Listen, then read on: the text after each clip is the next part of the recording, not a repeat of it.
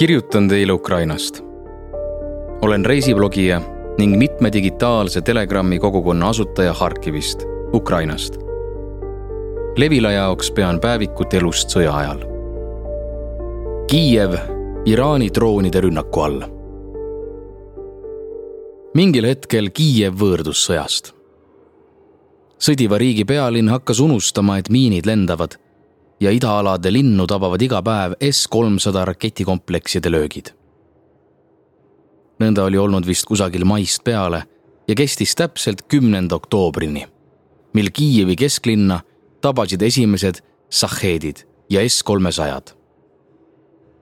paistab, et siis tuli kogu Ukrainal taas meelde, et me oleme sõjas. tuli tagasi tunne, et terve riik sõdib. esmaspäevast on Kiievis nüüd saanud droonirünnakute ja raketilöökide päev. see on päev, mil kõik ootavad, kas on juba kuulda õhutõrjetööd. paistab, et kõige hirmsamad kartused hakkavad täide minema. venelased on tsiviilelanike vastast terrorismi Harkivis piisavalt harjutanud ja asunud oma plaani üle kogu Ukraina teostama. Harkivi esimene blackout oli tõsine meediasündmus, seninägemata terrorismiakt nüüd on niisugune terror saanud reaalsuseks miljonite inimeste jaoks. see õudustunne, mida inimesed kogesid augusti lõpus Harkivis esimese totaalse elektrikatkestuse ajal, oli alles prelüüdiks selles igas mõttes keerulises talves. Need nelikümmend kaheksa tundi ilma elektrita näisid tookord igavikuna. nüüd elab kogu riik sellise graafiku järgi. Neli tundi on valgust, siis neli tundi ei ole ning seejärel jälle on. ja niimoodi iga päev. jah, vastupidamine ja selle talve üleelamine on tubli karastus meile kui ühiskonnale. tuleb aru saada, et valguse puudumine on meil väike probleem. kui pole elektrit, siis pole ka sidet ja internetti. Pole vett ja pole võimalust süüa teha, sest uutes elamukompleksides on köögid enamasti varustatud elektripliitidega nüüd me teame juba et, et viiskümmend protsenti Ukraina energiataristust on hävitatud ja meil seisab ees väga ränk talv, ilma kütte, vee ja elektrita. miljonilinnad vajuvad pimedusse, kuid kõige hirmsam on külm. tõdegem, et mingil määral selline terrorism toimib. me võime kui palju tahes korrutada, et jääme Ukrainasse lõpuni. Kuid reaalsus on see, et paljud väikeste lastega pered kardavad laste külmetumist ja haigeks jäämist, muretsevad lastetoidu kättesaadavuse pärast ning seetõttu valmistuvad riigist lahkuma. Ukraina hävitamise sihiks seadnud Venemaa strateegia kannab teatavaid vilju. pidevate elektrikatkestuste tingimustes ei saa ärid normaalselt töötada. või kui saavadki, siis voolukatkestuste kahjud muudavad äritegevuse sisuliselt kahjumlikuks. ja hirm teeb mõistagi oma töö eesoleva talve ebamäärasus külvab inimestesse kerget paanikat. see on üsna veider. me justkui oleksime naasnud kahe tuhande kahekümne teise aasta veebruari algusse, mil me ei teadnud, kas sõda tuleb või mitte. nüüd aga teame, et halvim stsenaarium on kõige tõenäolisem ja valmistume raskeks talveks.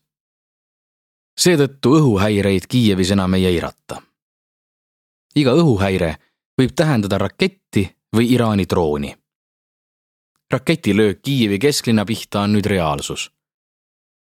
paljud arvasid, et kui Venemaa tegi märtsi lõpus hea tahte žesti ja Kiievi oblastist kangelaslikult pages, siis Kiiev muutus turvaliseks paigaks ja sinna võib julgesti naasta. Petlikud mõtted. pealegi vesi venelaste veskile kasutades ära tagasitulnute muretust, saadavad nad Kiievi peale rakette ja droone eesmärgiga hävitada energiasüsteem ja matta mitmemiljoniline linn pimedusse. raketilöögid Kiievi pihta on muutunud korrapäraseks sündmuseks, nagu see oli Harkivis. nagu ütles üks mu tuttav, see, et Harkivit iga päev pommitatakse, pole mingi uudis. uudis oleks see, kui Harkivit ei pommitataks kõige olulisem on kogu selles olukorras ukrainlaste meelekindlus. esiteks ei mõisteta hukka kedagi neist, kes on karmi talve kartuses otsustanud oma perekonna välismaale viia. teiseks, kui ukrainlastelt küsida, kas nad eelistaksid olla ilma elektrita või Venemaata, ilma kütte või Venemaata, veeta või Venemaata, siis vastavad nad kõik ilma Venemaata.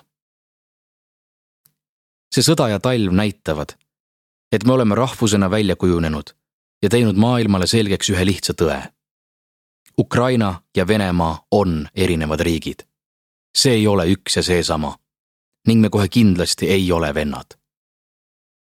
ja mis peamine, pole seda ka kunagi olnud. Venemaa on paljastanud oma jõleda valeliku näo ja näruse madala kadeda hinge. mopeedi hääl paneb nüüd alati kergelt värisema. sest just niisugust häält teeb droon Õnneks pannakse tsiklid ja rollerid talvel enamasti garaaži seisma. ning kui me kuuleme mopeedi põrinat, siis on see kindlasti droon, märguanne kiireks varjumiseks. puht psühholoogiliselt on sedasi kergem, sest muidu kipud mopeedi või tsikli mootorit kuuldes üle reageerima, kiiresti varje kohta otsima ning alles mõne aja pärast mõistad, et ohtu pole ja see on vaid posttraumaatiline sündroom talvel aga saab rolleri põgin tähendada ainult üht, järjekordset droonirünnakut. viimase pooleteise kuuga on pealinnale meelde tulnud, riigis käib sõda, me oleme juba üheksa kuud sõjaseisukorras. Sõja uuesti teadvustamine on paljude jaoks muidugi kummastav tunne. siin tuleb mõista üht olulist momenti. tsiviilelanikel on füüsiliselt ja psühholoogiliselt raske pidevalt olla sõjast väga teadlik on olemas selline mõiste nagu sõjaväsimus. see väsimus on teatud määral imbunud nii kiievlaste kui ka harkivlaste ellu. sa hakkad suurtükituld võtma kui midagi tavalist, igapäevaelu juurde kuuluvat. Ent elu on näidanud, et kergem on elada suurtükitule all kui ilma vee, elektri ja toasoojata. sellegipoolest oleme sisima sammu teinud otsuse. me elame selle kõik üle selleks, et elada ilma Venemaata.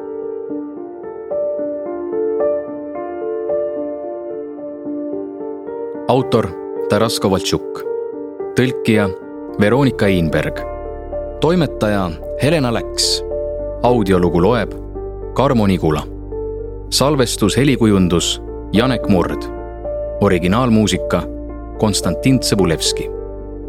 Levila kaks tuhat kakskümmend kaks